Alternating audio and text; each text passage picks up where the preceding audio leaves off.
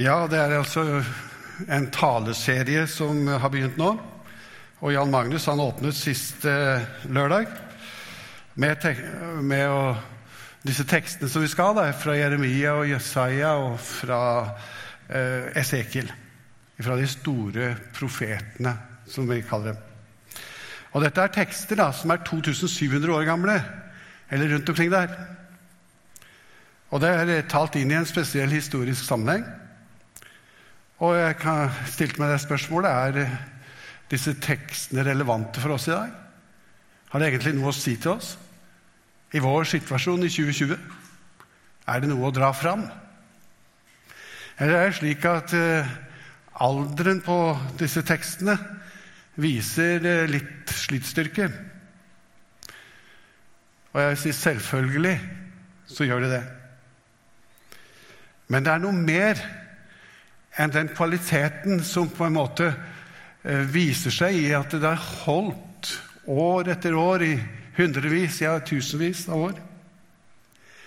Vi tror at disse tekstene som vi leser, er Guds ord til menneskeheten. At det er Gud som taler igjen. Det er unike bøker. Vi tror at Bibelens ord er innblåst av Gud og nyttig nyttig til lærdom, til kunnskap, til alle tider. Også i 2020. Så de bibeltekstene som vi leser, har altså en relevans for deg og meg.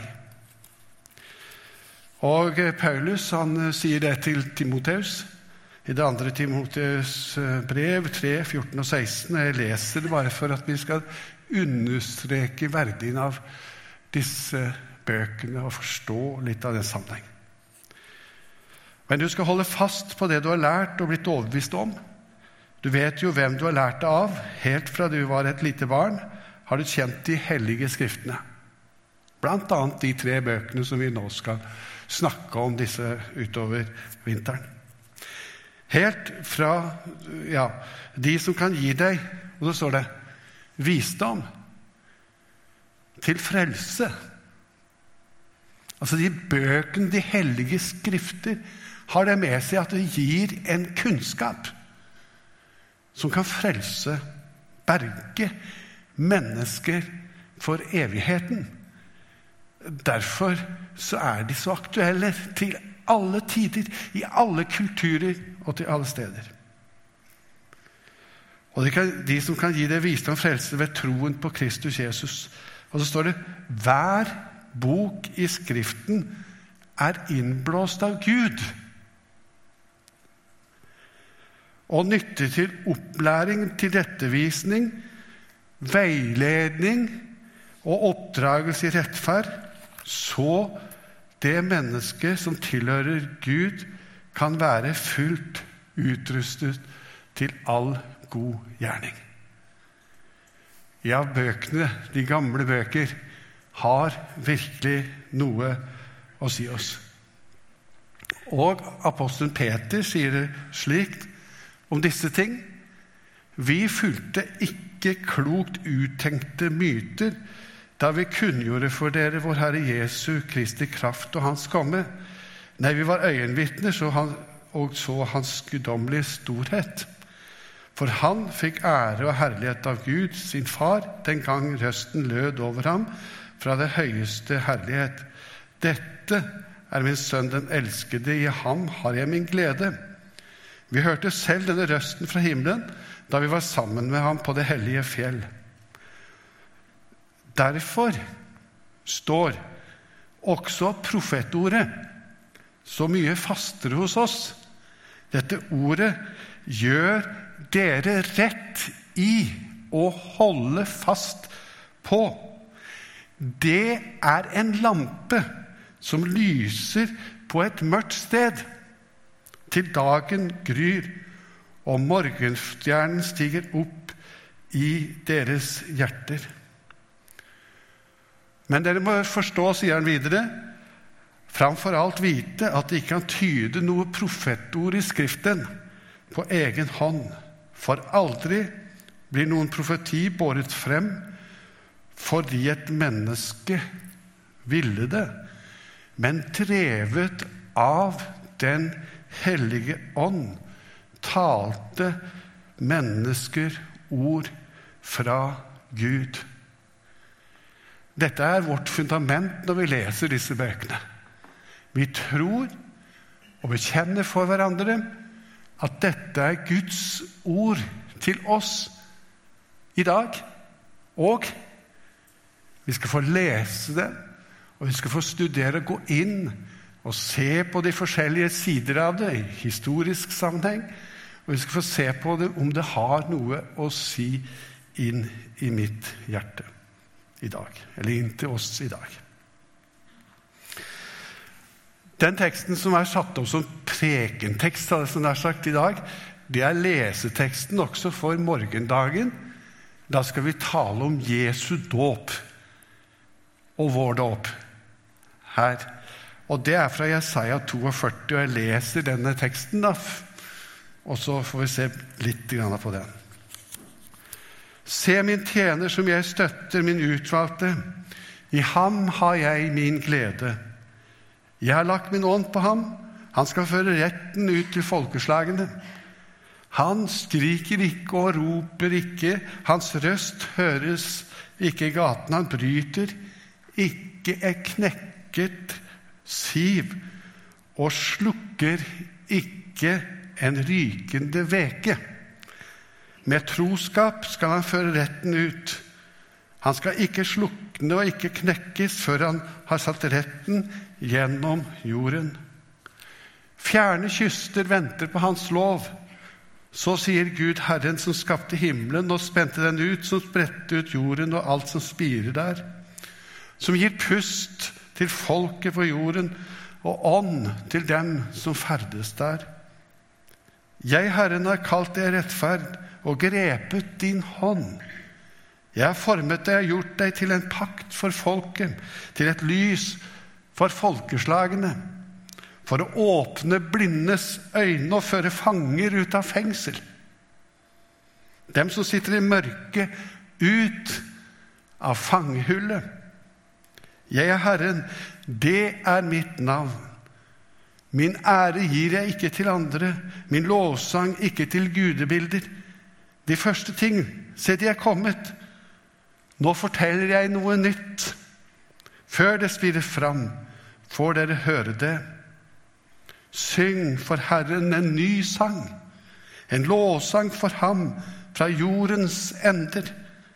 Dere som ferdes på havet, og alt som fyller det, deres kyster og alt som bor der. Og så er det fra Jesaja 57 vers 14 og utover der. Han sier, 'Bygg, bygg, rydd vei.' 'Ta bort hver snublesten fra veien til folket mitt.' Så sier Han som er høy og opphøyet, Han som troner evig. Den hellige er Hans navn. I det høye og hellige bor jeg, og hos den som er knust og nedbøyd i ånden. Jeg vil gi ånden liv hos dem som er bøyd ned. Gi hjertet liv hos dem som er knust. For jeg fører ikke sak til evig tid og er ikke harm for alltid. Da ville ånden bli kraftløs for mitt ansikt, livspusten som jeg har laget. Jesaja er altså skrevet ca. 700 år før Jesus. Og den er sammensatt av forskjellige bøker på en måte. Og en del av det som vi nå har lest, er i det som vi kaller for trøsteboken. Og trøsteboken har i seg flere sanger om Herrens tjener, om Han som skulle komme. En slags profeti om Jesus og Det er derfor det tas opp igjen i morgen, da vi leser om Jesu dåp. At han begynner sin gjerning på en spesiell måte. Trøst, trøst mitt folk, står det i kapittel 40, i starten av denne boka. Og jeg syns det er veldig flott å lese disse tekstene. Det er en trøst, en sjelesorg, som ligger i dette her, som var så aktuelt for det folket som skulle oppleve mye trengsler og vanskeligheter. Men det er også for oss. Han bryter ikke et knekket siv, leste vi. Han slukker ikke en rykende veke. Knekket siv. Det er liksom noe veikt. Og somme tider så kan livene våre kanskje oppleves som et knekket siv. Han kommer ikke med tramp og harde sko inn til et menneske som opplever det slik. Eller som en rykende veke som er i ferd med å slukkes. Også sånn kan det føles enkelte ganger for oss. En kan føle at ilden er i ferd med å slukne, at livsgnisten er i ferd med også å bli borte. Og så går det videre i denne teksten at han som kommer og skal komme, han skal åpne blindes øyne. Han skal gi ditt nytt liv. Han skal gi menneskene de de trenger. Han skal føre fanger ut av fengsel. De som sitter i mørket, skal han få ut i lyset. Kanskje du som er her i dag, er inne i en situasjon som er litt tung, litt vanskelig. Kanskje du føler at uh, du ikke strekker til på mange områder, og spesielt ikke i ditt forhold til Gud. Kanskje du skulle ha vært litt bedre kristen, fått litt mer orden på livet ditt. Disse tekstene, sangene om Herrens tjener, de forteller oss at Guds omsorg, eller Jesu omsorg, er ikke begrenset av hva du og jeg får til.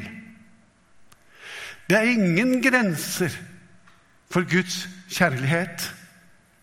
Hans omsorg og hans omfavnelse om deg, den er der sjøl om du har et liv som er gått i stykker. Om du er sånn som vi leste om et siv som er knekket Om det er noe i deg som har gått i stykker, så er han allikevel her og strekker ut en hand imot deg.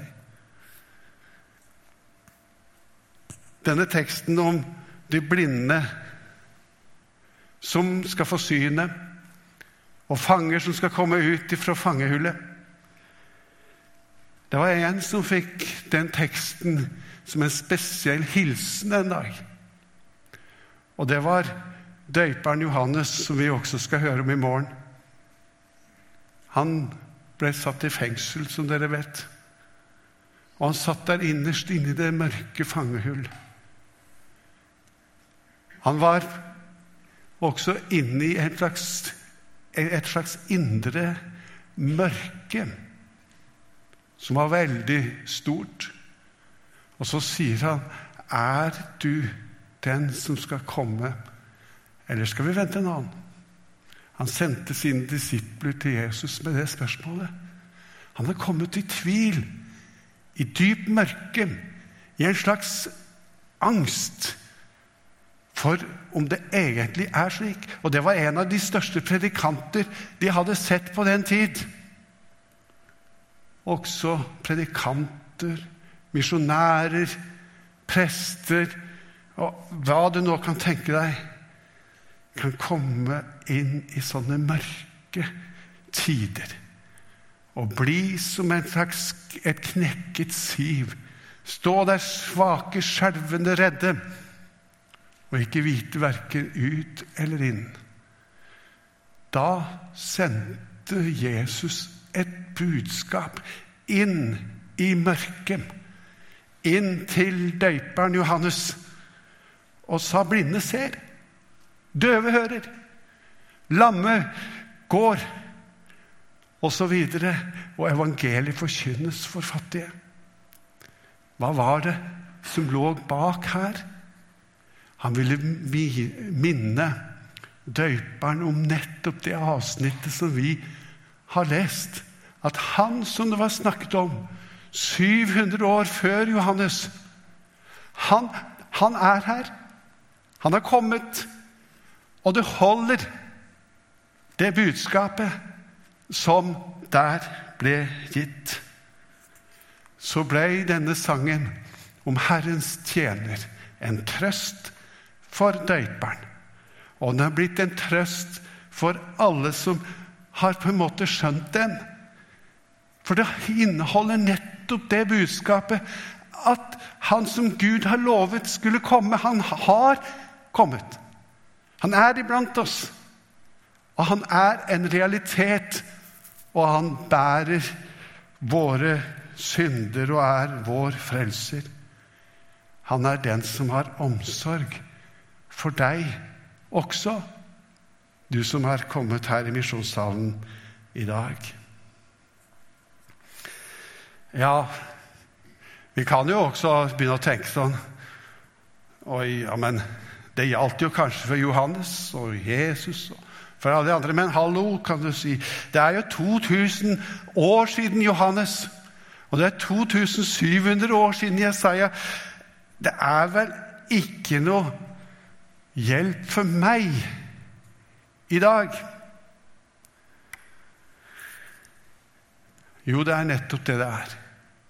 Nettopp fordi at dette ordet, som vi nå har lest sammen, det er ikke et ord som bare mennesker har kommet på, som har kommet liksom av menneskelig visdom, men det er Gud selv som har gitt oss disse trøstens ord.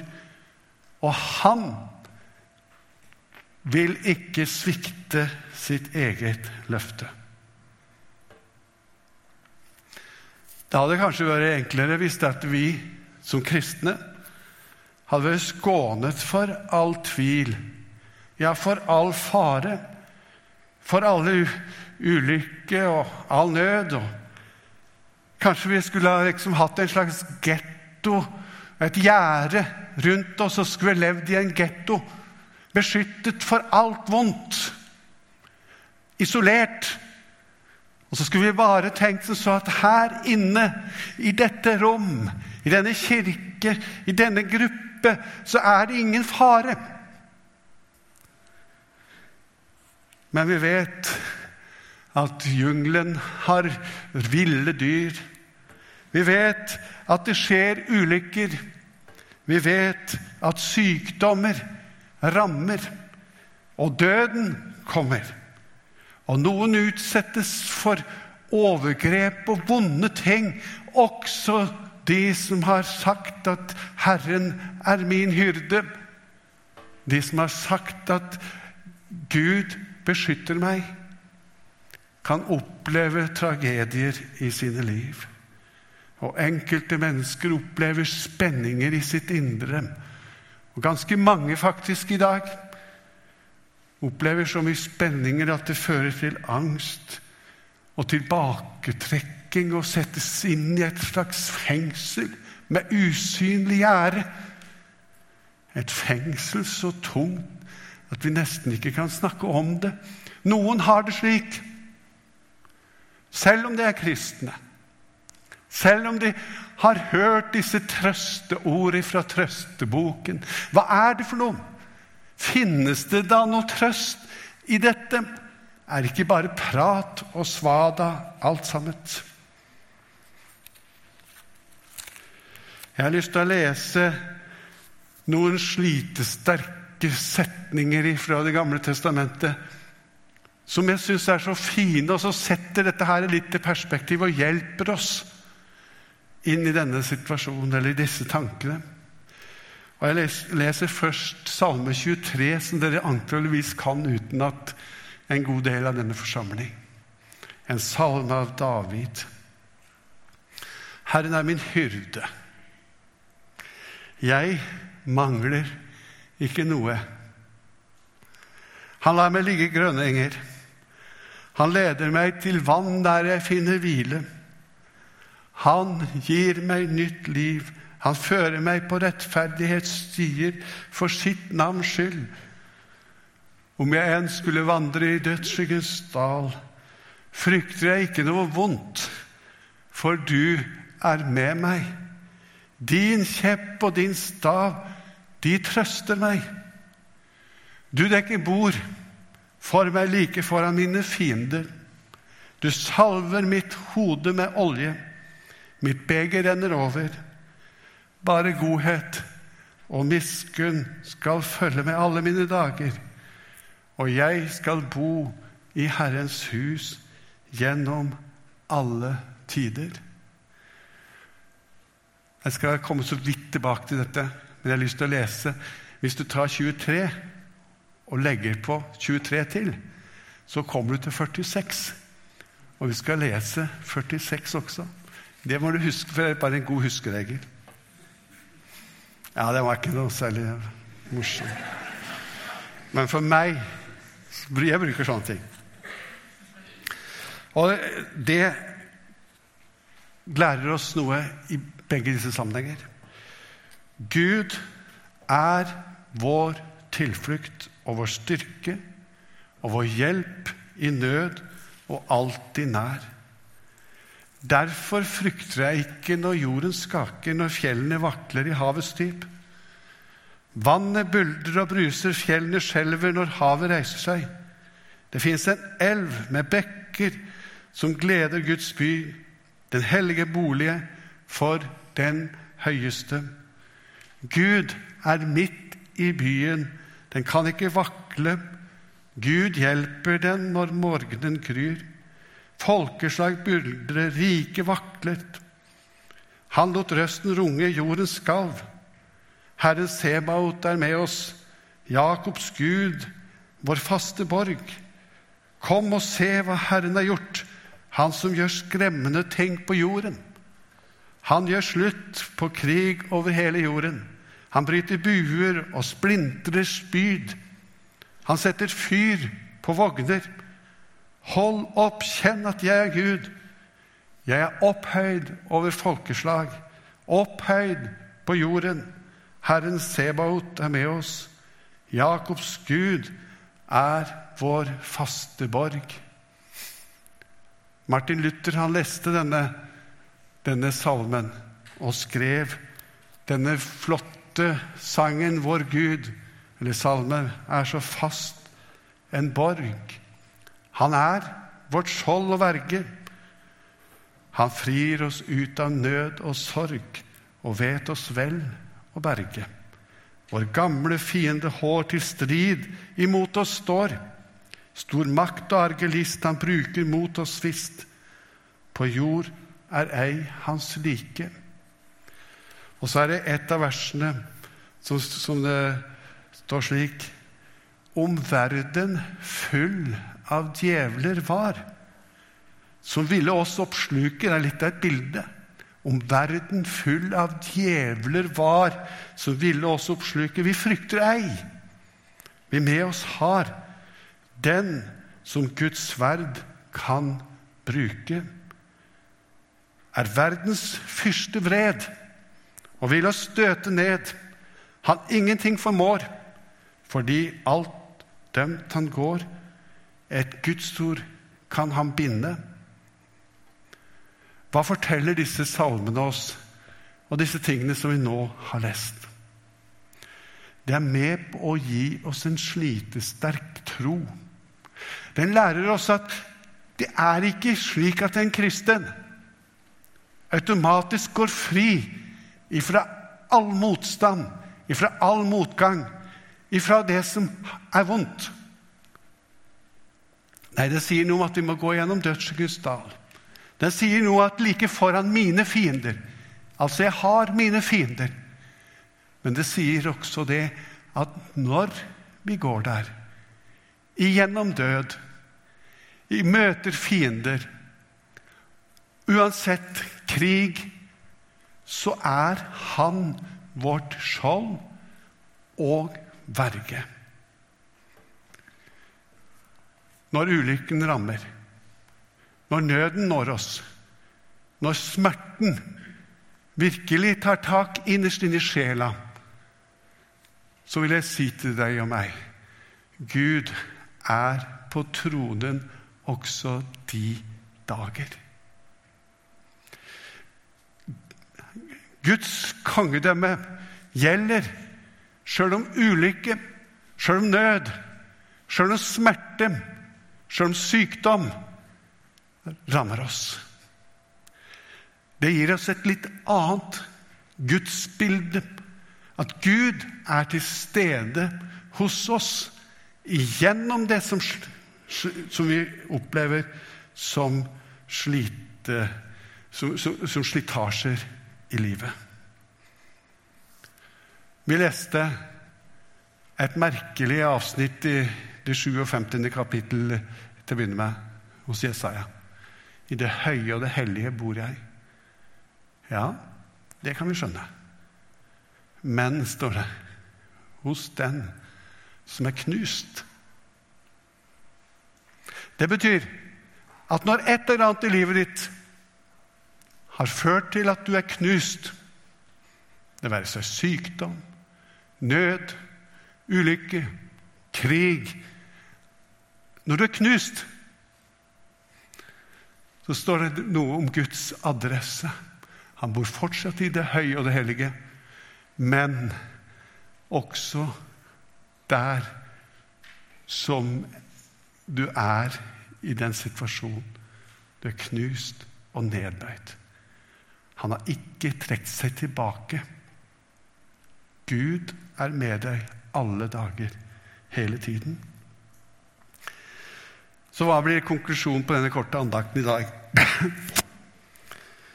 Det blir at Gud er min Gud når alt går på skinner. Når jeg står støtt, når jeg ser at alt har fremgang og lyser liksom foran meg en fremtid Han er min Gud når alt er lyst og vakkert. Men kjære dere, han er min Gud også de dager jeg ikke ser noen utvei. Når jeg er som en sånn veke som er i ferd med å bare slukne. Når livsgnisten er borte. Og jeg ser ingen utvei. Gud er min Gud også de dager. Og det hindrer ikke hans omsorg for meg. Jeg er i Herres hender. I lykkens tid, i ulykkens tid, i mørkets time og i det lyseste øyeblikk av mitt liv. Og hans omsorg er ikke begrenset til vår tilstrekkelighet. Takk for meg.